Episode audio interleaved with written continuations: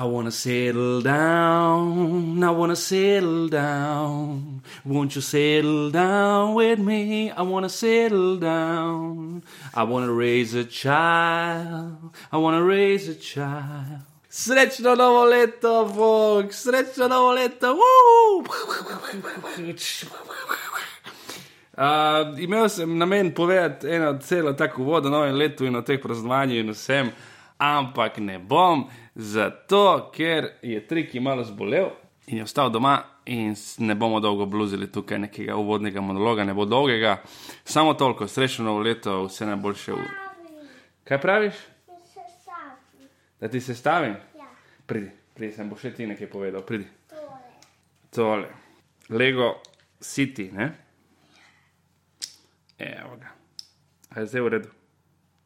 Izvoli. Kaj boš povedal? Čakaj. Reči, čau, folk. Povej, čau, folk. Malo bolj na glas. Povej glasom, čau, folk. Čau, Hork. Tako je, ja, vidiš, se snema tukaj, vidiš to črto, ki dela gor, to se snema zdaj. Ja, reci srečno novo leto. Srečno novo leto. Ja. A bo še kaj povedal? Ne. Hm? Dobro, ajde, pej se ti malo igrati, jaz bom tole posnel do konca. Izvoli, tukaj imaš, tole sem se stavil. Evo. Torej, danes bom imel enega zanimivega gosta, ime mu je Noah Čarni, a, nekoliko prekmorski primek, ampak v bistvu tip je američan in je našel dom v Kamniku. In je doktor po izobrazbi, tip se ful spozna na umetnost, ima rad arhitekturo in je nasplošno zanimiv, tako da bom kar od tukaj naprej dal posnetek pogovora z njim. Ok, so we're, we're doing this. Um, welcome, Noah. Thanks for having me. Thanks for the panettone. Uh, no problem, no problem. I'm, I'm not sure the Slovenians know what, uh, all of them know what panettone is. Uh, because it's very popular in coastal region because it's, it's Italian, but over here but maybe they have some other word. I'm not sure. It's uh, how do you explain It's it? It's the cheap imitation potizza that they have in the stand at Lidl when you walk in. so that, that's your description. Yeah. Okay, so Noah, with guests, I, I really like to start um, by asking them about their, their childhood, not in, in a psychotherapy kind of way, but you were born in 79, yeah. A year younger than That's me. nice uh, of you to say. and that's uh, bad for me. it's like you have achieved so much. You have written how many? Three books, three Uh, novels, eight- eight. books. Oh, come on, man.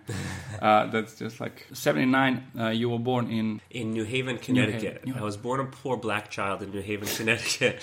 Um, yeah, which is And you bleached out. Yeah, I bleached out later on. Yeah, New Haven's a coastal city um, in Connecticut. It's halfway between New York and Boston. yeah. Uh, it's got about 150,000 people, and if you've heard of it, it's because Yale University is there. That's the only reason somebody might have heard about it. Unless you're a historian of hamburgers, and Louis Lunch is a diner in New Haven that claims to have invented the hamburger, and history books about hamburgers, which do exist, actually back this up. Oh, so it's not his claim. No, it's So- the historians have gathered together, discussed important things like the history of burgers, and decided this is the place. Great, great. So tell us what, what was like, you know, uh, just being five or, or eight or ten growing up in New Haven. I loved it. New Haven is well, the part of New Haven I grew up in was totally lovely, upper middle class, big houses, big yards, like you see in the movies. New Was it was it the city center you grew up in or the um, suburbs? just outside the city center, Yeah. probably a 15 minute walk or a 5 minute drive from the center. However, New Haven is one of the most dangerous cities in the US, or it was in the 80s when I was growing up. I never knew that. And one of the problems with the US is cities are basically still segregated, not in an official way, Yeah. but they're neighborhoods with low income, usually minorities. Um, it's only residential.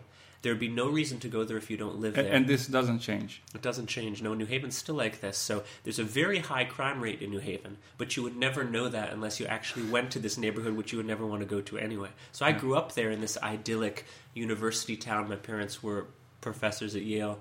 Um, we had a really idyllic um, East Coast upper middle class upbringing. So I was very, very lucky. I just read that uh, in England they said you don't raise the children, you bring them up. You said I'm bringing. They say they say that you raise a pig and a chicken, and but, but in America you say that you you raise a child. Yeah, yeah. You say Yeah. you're born and raised. Yeah, Yeah, yeah. that's interesting distinction. Well, I went uh, to your uh, how do we call it when, when pajama me and you were I, talking yeah, about my, my Domžale monthly uh, Zabava.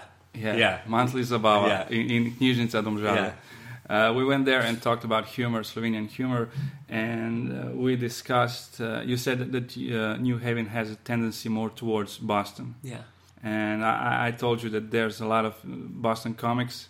And there's a really, really big uh, comic scene Yeah. in, Boston. Were you ever there? You know, this stand-up I comedy never night. went to see the comedy there, but I knew of some of the people coming out of it. Like, wasn't Louis C.K. one of the people Yeah, who yeah, came he out of was it? one. Yeah, He was one. Um, and there's always been a rivalry between New York and Boston. I think it probably s- started with the baseball rivalry. There are Yankees fans who are evil inherently. And there are Red Sox fans who are heavenly and good, and they can do no wrong. I'll let That's you guess who, which one I'm root for. um, but I think it probably started there. But now they're very different cities. Yeah. But there's um, an acerbic nature to the humor in both. They both have sort of a tough guy Acerbic nature. reputation. What does that mean? acerbic is like it's almost a word like acidic for a personality. Oh, oh. That um, you're gruff and a little bit mean, but in a kind of lovable way, if that makes sense. Okay, let's say it does. Yeah, okay. um, and both of them have this reputation.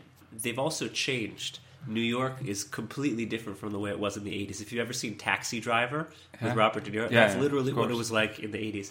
Now, Mayor Giuliani, before he went crazy, cleaned up everything. What what happened to him, the Mayor Giuliani? Because he was this guy who's really he cool great, and really yeah. popular. He was great with 9/11. After 9/11, he really um, helped people rally and feel better very quickly. He also, we would say, yuppified or gentrified New York. New York is no longer one of the most dangerous cities in the U.S. It has relatively low crime rates considering it's a population of like 20 million. Um, I don't know what he did with the homeless people. He scooped them up and Really? Moved them elsewhere or process them in some sort of meat So plant th- or whatever there's there's a lot less you homeless people lying around. Yeah, the you street. used to see them. It used to be very unpleasant. And when I was a little kid, I used to not like going to New York because it felt dangerous and uncomfortable. Yeah. And I was going with my parents to the theater and the Metropolitan Museum of Art and fancy restaurants, but it's still in between them. It felt dirty and unpleasant. Now it's not like that at all. It's really clean. And I don't know what he did in a social sense. Yeah, where did he put the homeless people? Um, there He are just jokes that he just and- scooped them up and moved them somewhere else and into Camden, New Jersey, or something like that, and we don't know. But I mean, you still see them occasionally, but it's Yeah. nothing like it was before. Yeah, that, that was a big shock, you know. I mean, for me, and I think most of my generation, we were really looking up to, to US. You know, we were, uh, of course, if you're a rap fan or a basketball fan, you're just, this is a, like a dreamland. Yeah, And, uh, and this first notion of people, li- I mean, we have homeless people over here. Yeah. They, they're usually lying on, on a, a bench. Yeah.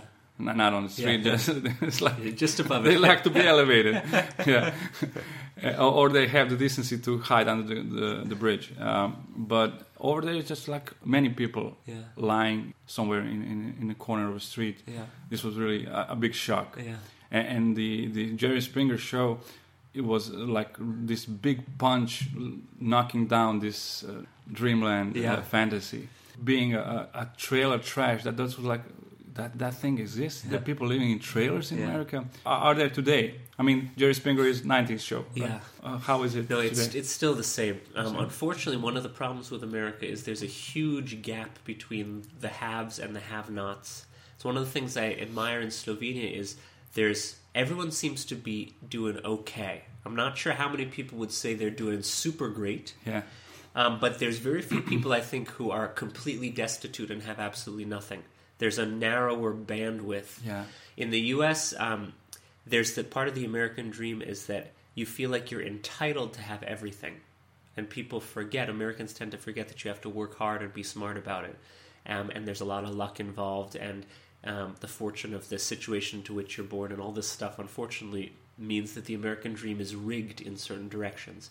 In theory, anybody can be president, anyone can be rich and famous, but in practice, that idea of the American dream is uh, so ingrained in people who feel like they deserve things without having to do anything for Yeah. it, or feel that they were robbed of something if they don't get everything that they want, and then they get very upset and violent, and uh, and this is where this very dramatic split occurs, which you can see socially, especially in city centers. There are lots of homeless people, and it's not because it's hard to find work. It's not hard to find work in Yeah. the U.S. It just it may not be work that you want to do.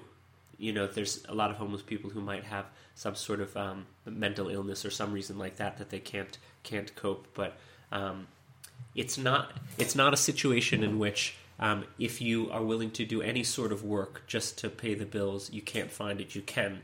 The question is whether it's something that you're wanting to do and willing to do, or do you feel like something should be handed to you? Yeah. And that mentality is very different. But do you think this is this is a, a mass, like general feeling that the people? I mean, those kind of people you can find them anywhere, Yeah. even in Slovenia, Yeah. in Croatia, everywhere. Yeah. Did you ever have the fear of becoming homeless? I'm very lucky, so I never did, but it's just the luck of the f- type of family into which I was born. Yeah, Um, and that's just you know knock on a piece of wood. It's it's extremely privileged, and I'm aware that it's extremely privileged, and I always appreciated it. And that, that's basically as much as I can I can do. As long as you appreciate and try to make the best of whatever positives you have. I was very lucky from a certain type of family where that wasn't a concern. Hvala Bogu, I've, but, but um, yeah, it, it, through no through no accomplishment of my own. yeah. I, well, I, I have it still, and I had it uh, ever since. I, I am from a uh, blue collar family, uh, like lower lower class. I never skipped a meal. I was never that poor, but we were quite poor, and I have this. But I also have this fear of becoming homeless because I think it's just something that might happen to you regardless. Yeah, because I think you, you are you're part of uh, some uh, some social system as long as you can produce stuff, whether it is physical work or or like intellectual work or anything. Once you're struck, I mean, a hypothesis, nothing more. Your family gets rammed by the biggest truck in the world, and you lose your family overnight. And I think something like that can cripple you, and you, cannot become, you cannot write another book, you Yeah. cannot um, give lectures and stuff like that, and you just you become homeless as a consequence. I think I think you're never safe from it. yeah. But people like to think about the homeless people like they, they don't try. Something life just runs Yeah. over you. Yeah, Yeah. and so it's easy to be philosophical about it, but especially from a politician's standpoint, that these people should um, just get to work and what are they doing? But there, there are always complications, and uh, the type of cam- family you comes from, regardless of the socioeconomic group, um, families can totally fuck you up. Yeah. the only question is, in what way will they, and to what extent? And you know, if if you don't have the support network, if t- parents don't teach their children confidence, this is something I had very early, and I was very fortunate to have. And values also. I mean, values, the- yeah. I went to a very ethic. progressive um, preschool, which might sound funny. It's like a predvrtac Yeah. um, that uh, was founded by Calvin Hill, Grant Hill, the basketball player's Yeah. father, um, who was a football player with the Dallas Cowboys. And he, I don't know how he got interested in this, but he founded this very progressive, sort of Montessori style vrtac. And I Okay. went to it, and one of the things that they taught you early on is, you know, everybody's going to learn to write and arithmetic, and in theory. Um, what they teach you is the value of what you produce. So my big lasting memory is I would make things out of wooden blocks. Yeah. And at the end of the day, you have to put everything away, and it's mildly traumatic to make this amazing, like a castle out of blocks and then put it away. And they would have a teacher draw what you made and write your name on it and put it on the wall at the end of each day if you wanted. And that little detail showed me that anything that I produce is of value, and I should have this self belief. Yeah, and of course, I didn't only get it from there, but that sort of thing you can't teach that really. That's a vibe you get from parents and peers and hopefully your teachers. And that I had in abundance and that's the most valuable thing I came away with. I still can't do math. that's okay. But if you have confidence and this alpha willingness to put yourself forward and to understand that what you do is of value, that goes a very long way. Yeah. But you were a sort of um, unconventional kid. You have this um, desire to go to Europe, and, and when you, you said you went to France Yeah. and Italy, and you uh, instantly felt at home. Yeah. Why was that? I mean, Um, again, it comes from um, from my parents' proclivities. I think my my parents are of a certain socioeconomic group that idealizes Europe, probably over idealizes Okay. it. In the U.S., they will um, engage in all sorts of things that they associate with Europe, like farmers markets, European restaurants, theater, um, art, and every holiday they can, they go over to Europe. So I spent a lot of summers growing up in France or in England on holiday or Italy, um, and I loved it. It felt exotic, but not completely different. It's not like Laos or something like that, where it's completely another planet. And I loved the sense of history. I loved castles. I used to run around castles as a little kid and pretend my finger was an arrow, and I would shoot people through the through the arrow slits. Um, I loved the food. Again, it was inevitable because my parents were of that certain group of Americans, and it's it's not a big group, but it's a very visible group. This um, East and West Coast city-based liberal upper middle class uh, democratic voting Privileged uh, people. Privileged people. people. Yes, but there's also privileged people who are in other Not- locations. It's a certain type of, of privileged people that um, it's like it's basically the subscribers to the New York Times is exactly the so there's 17 million of them, Yeah. and there's 300 plus million Americans. So it's not a big percentage, but it's this is this is the the focal group that basically keeps things like arts and culture Yeah, yeah. alive through a lot of private donations. The good they're privileged people. yeah, well, if you if you like if you like, sure. yeah, yeah. But if you care about the arts and you Yeah. care about the people, you know, being a bit liberal, you know, that, that having uh, a feeling for minorities and stuff like that. I mean, you're you're the good Yeah, privileged. yeah, okay, I'll take that. You'll take that. Okay, so um, you went to high school where also? To, I went to a boarding school in Connecticut called Choate, which is um, it's a famous old boarding school with lots of uh, American celebrities and former presidents went there. Yeah. Um, and it was super fun. It was like Hogwarts without the magic. We had we didn't have school uniforms. It wasn't quite that dramatic, but um, you're living there as a teenager. Okay. Um, all the students were like these amazing weird weirdos. It was very uncool to be normal. You wanted to be a weirdo and be very overtly passionate about something at a really early age and to wear the passions on your sleeve. So the worst thing would be to be kind of generic and ordinary looking. So if I understand correctly, it's the opposite of Slovene high schools. and also of the most uh, American high schools. Most American high schools too, but American high schools it's it's different. Um, American high schools, the social structure of high school is based entirely on sports, because all schools have their own sports teams, and everyone's required to do a sport or something instead of it, like theater or yoga or something like that. But the social dynamic is that the athletes are the most popular, and because everybody at the school is in some way engaged in either participating in or going to watch the sports. Yeah. So it's different in Slovenia, where if you do a sport, it's outside of school and it's sort of distinct. So you get lots of different types of high schools in the states, though, and unfortunately, the more you pay for them, the better they are, and the less dangerous they are. And a lot that are free are physically can be dangerous, and the quality might not be so good. So again, it's this high capitalist problem where there's a lot of amazing stuff, but it's not available for everybody in the Yeah. way that it should be. Yeah. Uh, well, we talked about the, the high school and this this idolizing of the young sportsman. Who's this is not that much present in our Yeah. culture, but it, is. It's like I, I see it as a, as a village version of America. Yeah. You see people from high school come to the games that the, the basketball team of, of their school plays and stuff like that. But we don't. There are like six people come. You know. but you have over there. You have stadiums You can get of thousands of people. thousands coming, of people. Th- yeah. That's the big difference. Yeah. And um, you said that you don't know what's cool in Slovenian high schools. Yeah. You don't know who's cool. I don't know what to tell my kids how to be cool. I have a good formula for the U.S. high schools, but here I wouldn't know. I, I thought about it after we talked about it, and I thought about. I think it's it's a mixture, mixture of of uh, not being too poor. Uh-huh. If you're too poor, you, you're hardly cool. But and, and having cool friends, and also uh, being good at sport. But that is not as much as in the U.S. And also in, U.S., you you are a high school jock, and you're not sort of bound to any sport in particular usually, because there's a number of uh, examples where a guy goes playing American football and Yeah. he's, he sort of just decides to go to basketball. That's Well, we incomprehensible in, in uh, Slovenian sports. It's actually um, required that each of the three seasons in high school you play a different sport. Yeah. So there's a set of sports in the fall, usually American football or soccer. In the winter, it's a different set of sports, usually basketball, volleyball, ice hockey. I played squash, which was a little more exotic. Then in the spring, it's a different set, usually lacrosse, which is a Native American Indian sport, um, or baseball.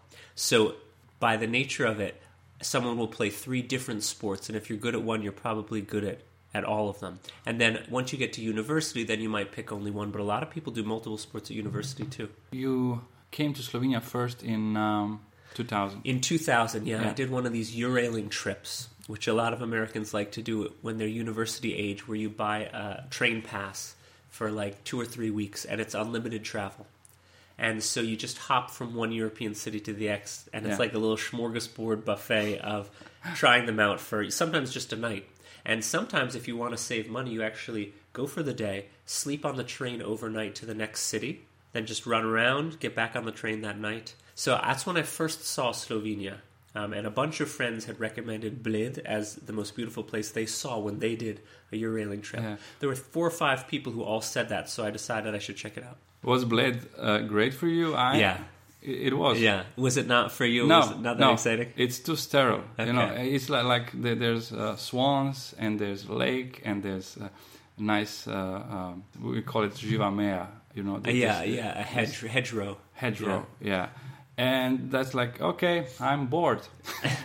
I, I- don't have this this feeling for aesthetics as much as much as uh, my wife does, or uh, probably Yeah. as you.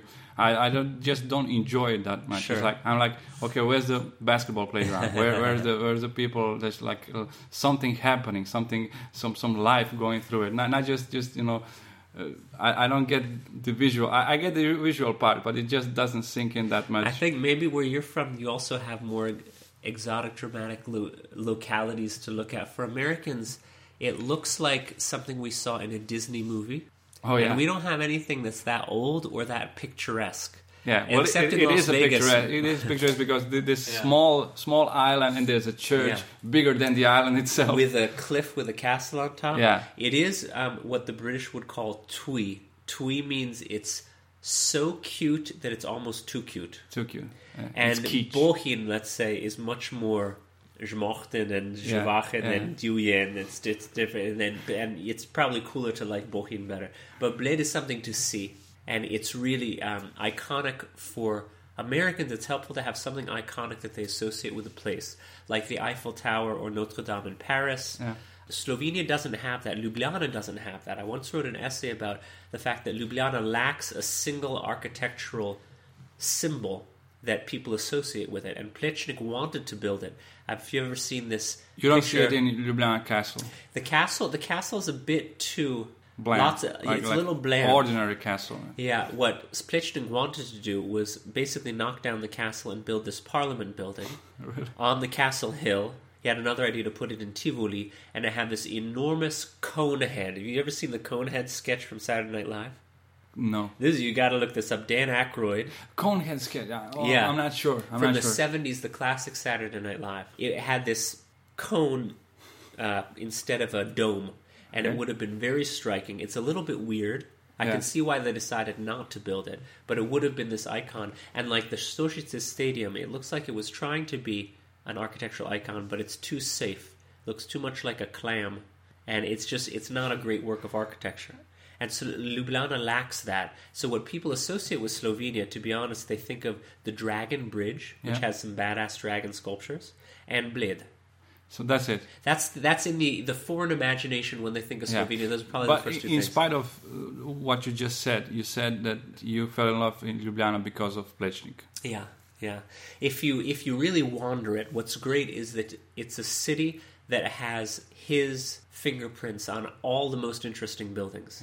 Because so much of it, around 15% of the city was destroyed in the 1895 earthquake. And they were very fortunate that he was coming into his own in a time when Ljubljana was being rebuilt. And he was also buddies with the key figures in the administration of Ljubljana who were going to hire him to um, make the iconic buildings in the city. Yeah. And so That's why he got feels- all the jobs. he, yeah, it was all nepotism. But he was also he was by far the best person to do it. But he also was buddies with with the right people. Yeah, I recently heard that he also s- sort of uh, put his um, signature on stuff that his people working for him did. He you know, did his, apprentices students. and Yeah, his like um, in Kamnik, where I live, the train station is described as the Plečnik train station, but in fact, one of his students designed it. Um, but that's not uncommon. Yeah, Uh, he that's part of a probably, tradition. Yeah. yeah.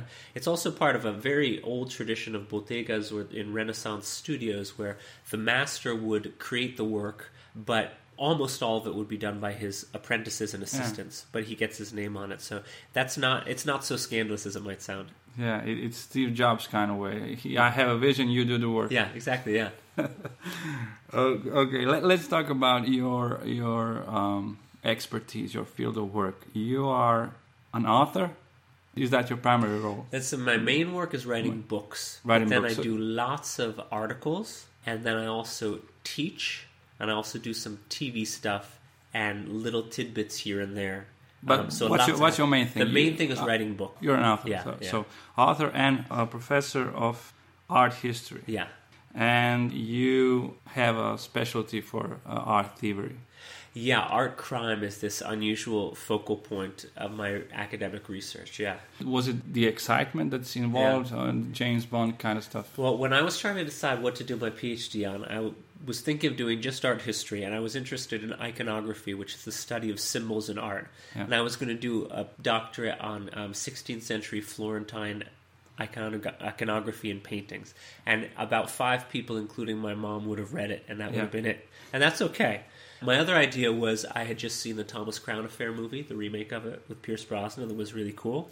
I was intrigued by um, art heist films and novels, and I was familiar with the art world from behind the scenes. I had worked while I was a student at two museums.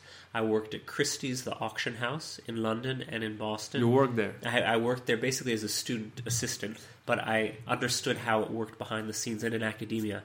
And I thought it would be fun to set a crime story behind the scenes in the art world to show how things work that the public doesn't really know about but might find intriguing. And to do a novel version of something like the Thomas Crown Affair, which I really enjoyed as a film. And so you did. One one of your uh, novels is. Yeah, that's I started writing my first novel. It's actually the only novel I have that's been published. The rest are history books. It's called The Art Thief. In Slovene, it was Tat umetnin. It's also in Croatian. I don't know what's called in Tatica Umetnica in Croatian. Or I don't know. that i- is Lopo. Okay, there you go. Uh, Um, and uh, and that was very lucky because that sold just before the um, 2008 recession, when you were getting more money as an advance for books, and so I was able to live off that.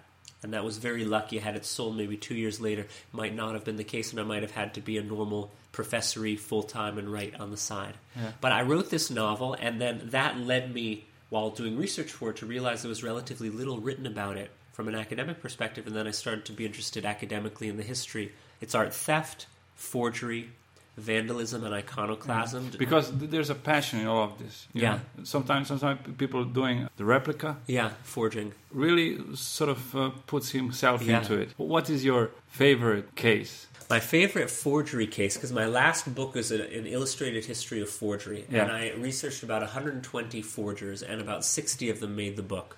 And the one who's my favorite is um, a guy called Eric Hebborn, who is a British art forger in the 1980s, and he's the only one out of the 60 forgers who I think was as good an artist as the artists he forged. Really?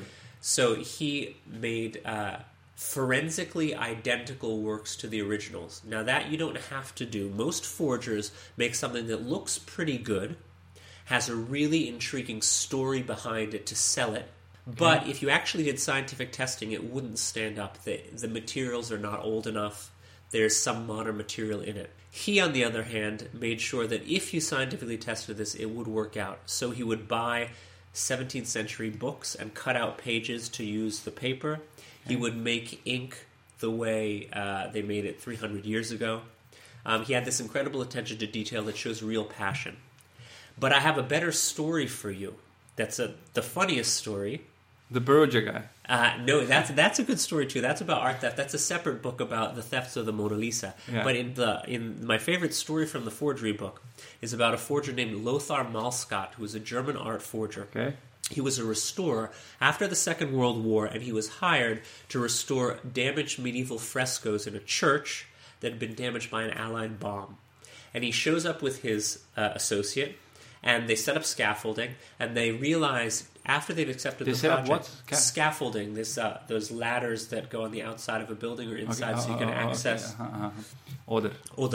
And inside, he realizes that one, the frescoes are damaged beyond repair. He can't do anything for them. And two, the photographs of archives don't show enough detail that he, he doesn't know what to restore. But he didn't let that stop him. So he closes off the church and he starts painting new medieval frescoes. And he was so confident that he had the whole reveal planned at the end of the restoration. He announced that they were not able to restore all of the old frescoes, but they found buried beneath a layer of plaster, never before seen, medieval frescoes that he did restore and they can be seen for the first time. And this was big news in East Germany. When was- when- when was I think it's 1954. So there wasn't a lot of good stuff going on back Yeah. then. This was big news. It was so big that the government actually issued 4 million postage stamps with a detail from these newly discovered frescoes. After the fact, this guy Lothar Malskat decided he wanted credit for having painted them because everybody thought they were originals, and so he publicly stated, "I created these. I'm an art forger," Nobody believed and him. nobody believed him. so he made a very unusual step that might be unique in history. He sued himself because he wanted the great. public official This platform of being in a courtroom to have on the record that he was the forger. But people still didn't believe him. He was on the court stand.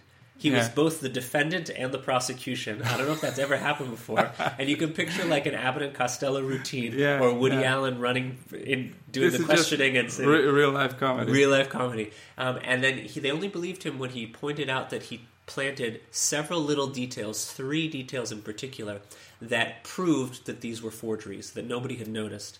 One is that um, he painted a turkey into the wall. And turkeys are indigenous to North America, and there were no turkeys in you know 12th century Germany, Okay. and these were supposed to be from that period. So it must be a forgery. So he did it He- intentionally. Intentionally, and forgers describe this as a time bomb.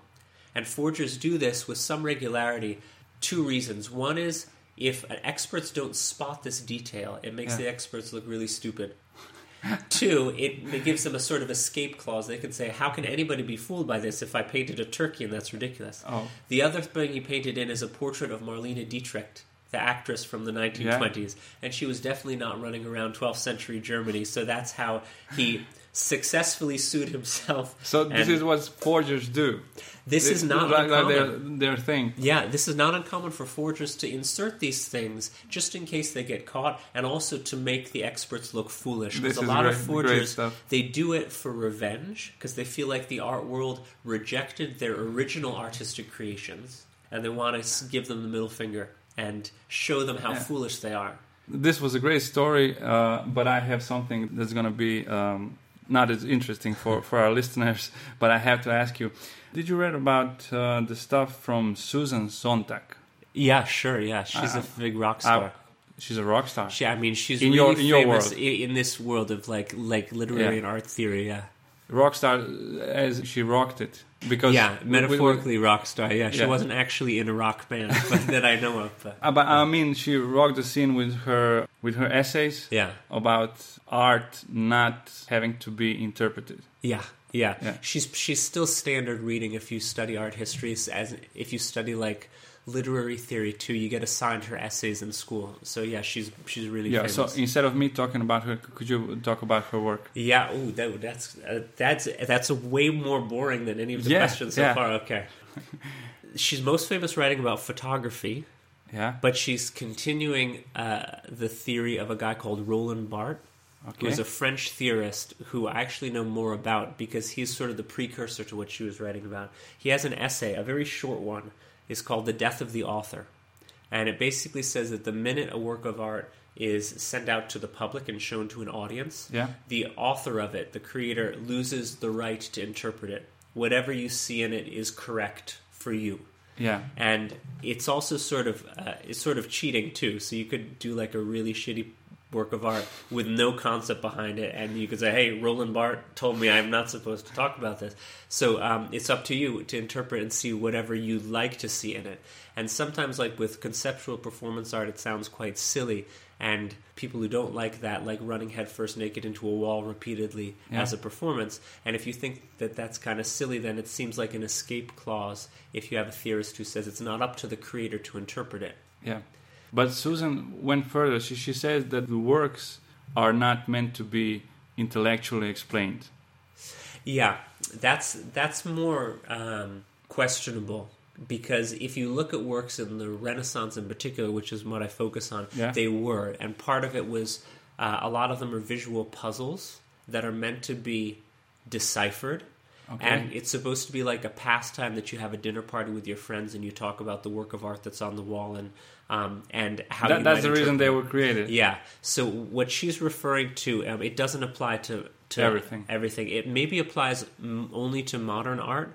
She was talking primarily about photographs. I'm not sure if that's the theory where she was talking primarily Yeah. about that, but her most famous book is on photography. Um, and okay, you might say a, f- a photograph you don't need to you don't need to analyze or deconstruct because a photograph is a photograph.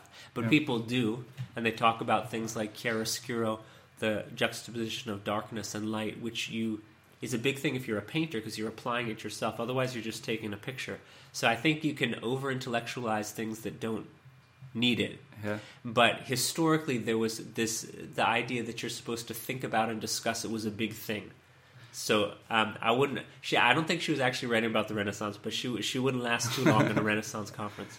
Oh, I understand. I like to sort of take this like really intellectual stuff and pay it like two hours, you know, really superficial approach, and then I like to talk about it uh, from a perspective of an idiot who doesn't really doesn't know much, but he has an own opinion. know. of course. So let me tell you what I think. I think she, the way I, I saw it, uh, she said that if there's a painting and you're looking at it, you're supposed to experience it, and that's it. Not sort of create an interpretation or, or tell people. When we, we were reading about Srećko Kosovel uh, in in uh, we say middle school, we don't say high school. You say we have lower standards. Like it's not that high, it's middle. Uh, do you know Srećko Kosovel? Uh, just by the name. Yeah, yeah. He he wrote this really sometimes uh, uh, absurd stuff about uh, a rat dying in, in the attic and going like trick trick work work like uh, st- stuff like that. And the teacher said like, "This is highly." And we were like sitting there. I, I was thinking, yeah, it might be, but he might be high. He might be delusional. He might be everything. You don't know. You don't know. And she was like, "No, I know." and, and this is the way it is. Maybe he, he was just goofing around. I don't know. Just admit that there's a slight chance he was just pulling something off. Although he was a genius. And w- with her, it's like the same thing with Susan. She's Yeah. like saying, if somebody explains the work, it's sort of uh, compromised. It should not be interpreted in any way. I think Yeah. that that's what she. she There, there's she- some artists who, who think that too. One of my favorite artists is the Belgian surrealist painter Magritte. Okay. And he had this thing where even if you interpreted his works in a way that would get you a five or an A on your test, Okay. he would say no. He would say that's not correct. I'll give you an example. He um, he had this formative tragedy in when he was young um, that you know psychoanalysts would say influenced his art. So um, his mom drowned in the river, and he saw her with uh, her sort of white nightgown covering her face when they pulled her body out. And you say, oh, that would certainly traumatize anyone. And so when he paints it as an adult, he has a series of pictures of a woman with a white sheet, wet sheet over her face. And it doesn't take, you know, Sigmund Freud to suggest that this has Yeah. something to do with that. But he would say, no, no, that's not right. And he refused any interpretation because what he wanted was for you to feel a sense of wonder and awe and puzzlement that was not dismissible by saying you've solved the puzzle. The minute you say the puzzle's solved, it's no longer interesting for him. He wants you to immerse in like what the hell is going on, and not to feel like you can conclude it. Yeah. If you ever seen like a um, David Lynch film Yeah, or yeah, Twin Peaks, is the same kind of thing. He doesn't even plan the correct interpretation. He just wants these evocative, puzzling scenes that you're like, what the hell's going on? But we naturally try to figure out some sort of master Conclusion, solution. Yeah. And so, yeah, he would agree with her totally. Okay. Now I'm gonna switch to Slovene. Oh, Uh, yeah, th- I- I'm too tired of trying to, moraš to povedati, kdo je Jennifer Bitchtits. Jennifer Bitchtits. Um, that's the, the graffiti Yeah, at the Uh, start of your street. It's at the start of my street, but I'm I'm here since April. So I, when I came here, it was already there, and I was that, that's the first thing also I saw is like Jennifer Bitchtits.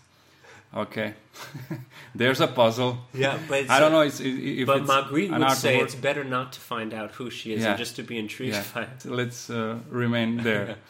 Uh, ok, gremo zdaj na Slovenijo. Ti v bistvu, ja, jaz sem se čisto po nepotrebnem lomu z angliščino, samo zato, da se malo preseravam, pa mi ni lih najboljše uspelo.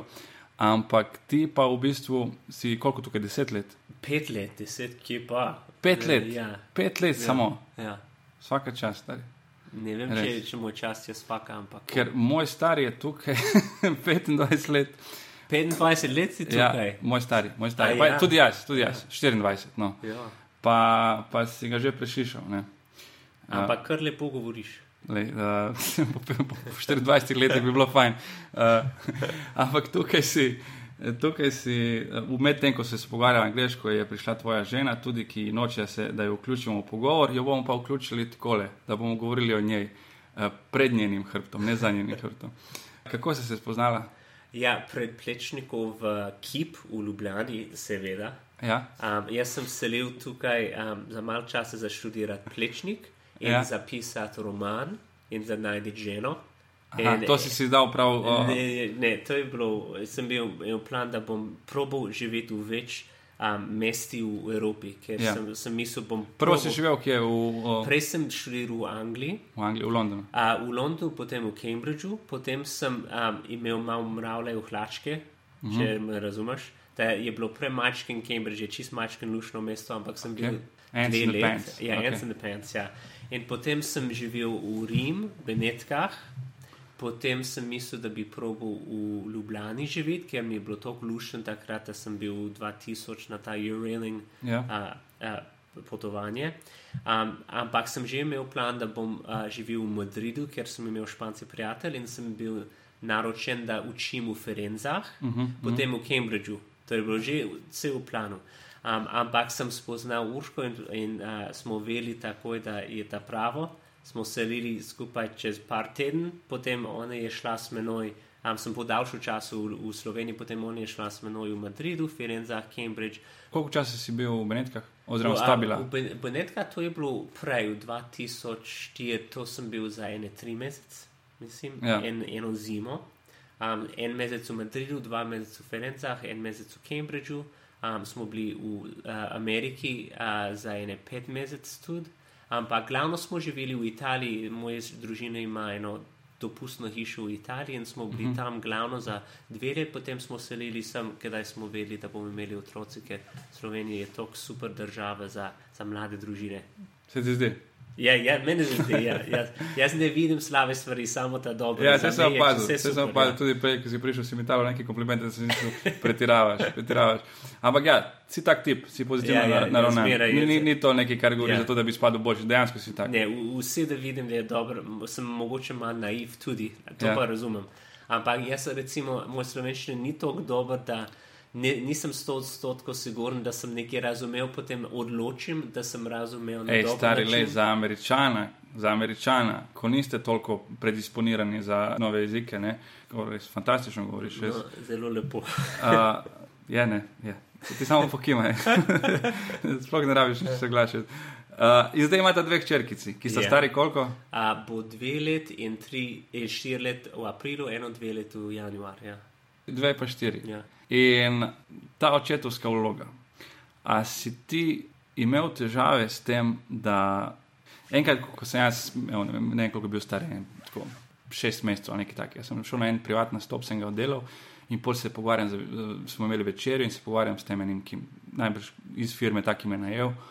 In mu razlagam, kako mi je zajebano to, kako je ono, kako mi je obrnjeno življenje na glavo. Nisem sem pričakoval spremembo, ampak ne take spremembe, da je res, res je zajebano, pa eno otrok. Ne.